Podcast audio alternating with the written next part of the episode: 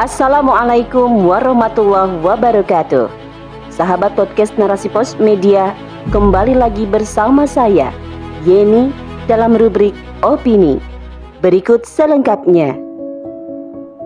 Mental pengemis lahir dari rahim kapitalisme oleh Fitria Zakiatul Fauziah CH. Pengemis sudah tidak asing lagi di dunia, tak terkecuali di Indonesia. Angka pengemis yang meningkat saat ini bagai jamur di musim hujan. Berbagai modus mereka lakukan demi mendapatkan pundi-pundi rupiah. Berangkat dari membuat luka palsu, membawa anak kecil, pura-pura buta, hamil, hingga pura-pura cacat fisik. Mereka tergiur mendapatkan uang secara instan dengan menengadahkan tangan kepada setiap orang.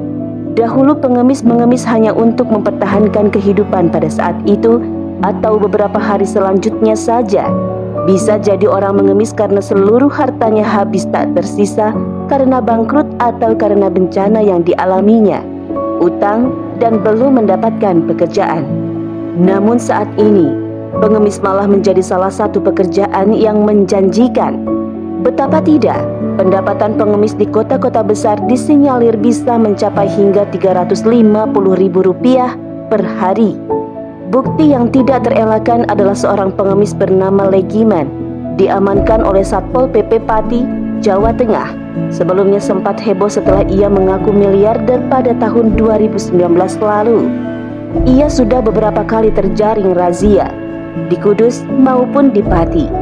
Legiman sempat menjadi bahan pembicaraan pada 2019 lalu kala ia mengaku memiliki tabungan senilai 900 juta rupiah yang disimpan di salah satu bank serta sejumlah aset rumah dan tanah dengan total 525 juta rupiah. Meskipun pada akhirnya banyak pihak yang menyaksikan klaim Legiman tersebut. Menurut Kepala Satuan Polisi Pamong Peraja atau Satpol PP Kabupaten Pati, Hadi Santosa menjelaskan pernyataan itu hanya berdasarkan jawaban yang diucapkan oleh Legiman ketika diperiksa oleh Satpol PP saat ditangkap razia. Hadi juga memastikan bahwa pendapatan mengemis Legiman bisa mencapai 1 juta rupiah per hari. Kemarin jumlahnya 695 ribu rupiah. Disebutnya sepi karena turun hujan seharian. Tidak bisa dimungkiri bahwa banyak pengemis di negeri ini memang disebabkan oleh kebutuhan hidup yang mendesak, lapangan pekerjaan yang sulit diperoleh dan pendidikan rendah yang membuat mereka melakukan apa saja demi terpenuhinya kebutuhan hidup termasuk mengemis. Padahal nyatanya secara fisik mereka masih kuat untuk bekerja. Kapitalisme saat ini telah menjadi sebuah ideologi yang menjadikan materi atau kapital sebagai tolok ukur keberhasilan. Fenomena pengemis miliarder adalah buah dari sistem kapitalisme sekulerisme. Dengan kata lain, akibat bercokolnya sekularisme di negeri ini yang telah berhasil diwariskan dan ditanamkan oleh para penjajah. Sekularisme telah membuat masyarakat memiliki mental pengemis dan berkarakter instan dalam meraih kekayaan. Bahkan pekerjaan menjadi pengemis telah dipandang sebagai sesuatu yang wajar sehingga terus tumbuh subur dan berkembang walaupun telah jelas hukumnya haram. Dalam sistem sekuler kapitalisme tidak mengenal istilah halal dan haram. Yang menjadi tolak ukur adalah materi semata. Rasul Shallallahu Alaihi Wasallam bersabda yang artinya, orang miskin bukan orang yang meminta-minta kepada orang lain, kemudian mendapatkan sesuap atau dua suap, sebutir atau dua butir kurma.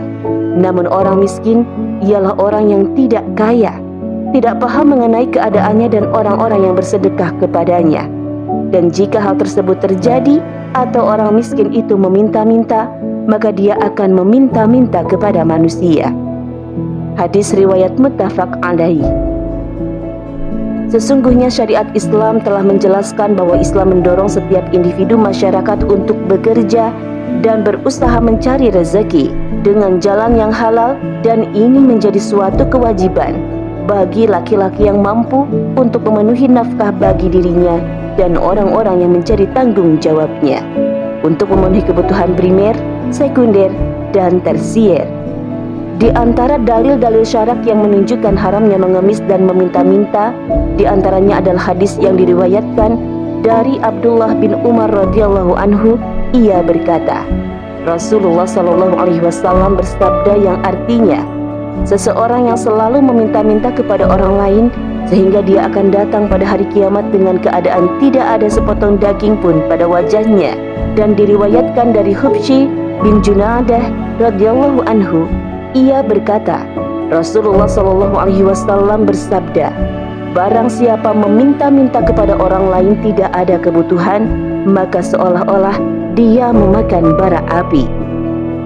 Dari Abu Abdullah Az-Zubair bin Al-Awwam radhiyallahu anhu, ia berkata, Rasulullah Shallallahu alaihi wasallam bersabda yang artinya, sesungguhnya andai salah seorang di antara kalian membawa beberapa utas tali lalu pergi ke gunung dan kembali dengan memanggul seikat kayu bakar dan menjualnya, lalu dengan hasil tersebut Allah mencukupkan kebutuhan hidupmu, hal itu lebih baik daripada meminta-minta kepada sesama manusia, baik mereka membagi ataupun tidak.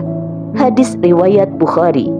Di dalam Al-Mabsud karya Imam As-Sarahi menyebutkan riwayat Rasul Shallallahu Alaihi Wasallam pernah menjabat tangan Sa'ad bin Muaz radhiyallahu anhu ternyata tangannya kasar kapalan. Lalu Nabi Shallallahu Alaihi Wasallam menanyakan hal tersebut.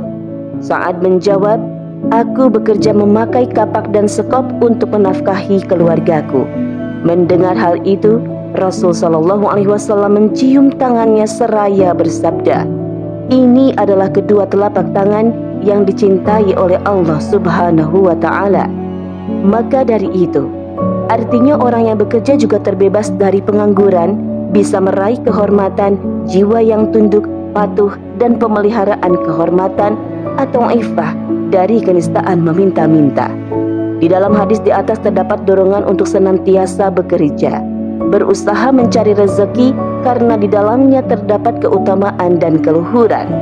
Oleh karena itu, hal tersebut menjadi salah satu kebijakan politik ekonomi dalam sistem Islam yaitu memenuhi kebutuhan mendasar setiap individu secara sempurna dan menyeluruh, serta menciptakan peluang bagi tiap orang untuk bisa bekerja, sehingga kebutuhan sekunder dan tersier dapat terpenuhi.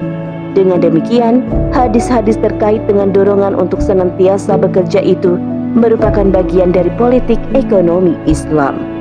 Wallahu a'lam bishawab. Narasi pos cerdas dalam literasi media, bijak menangkap peristiwa kunci.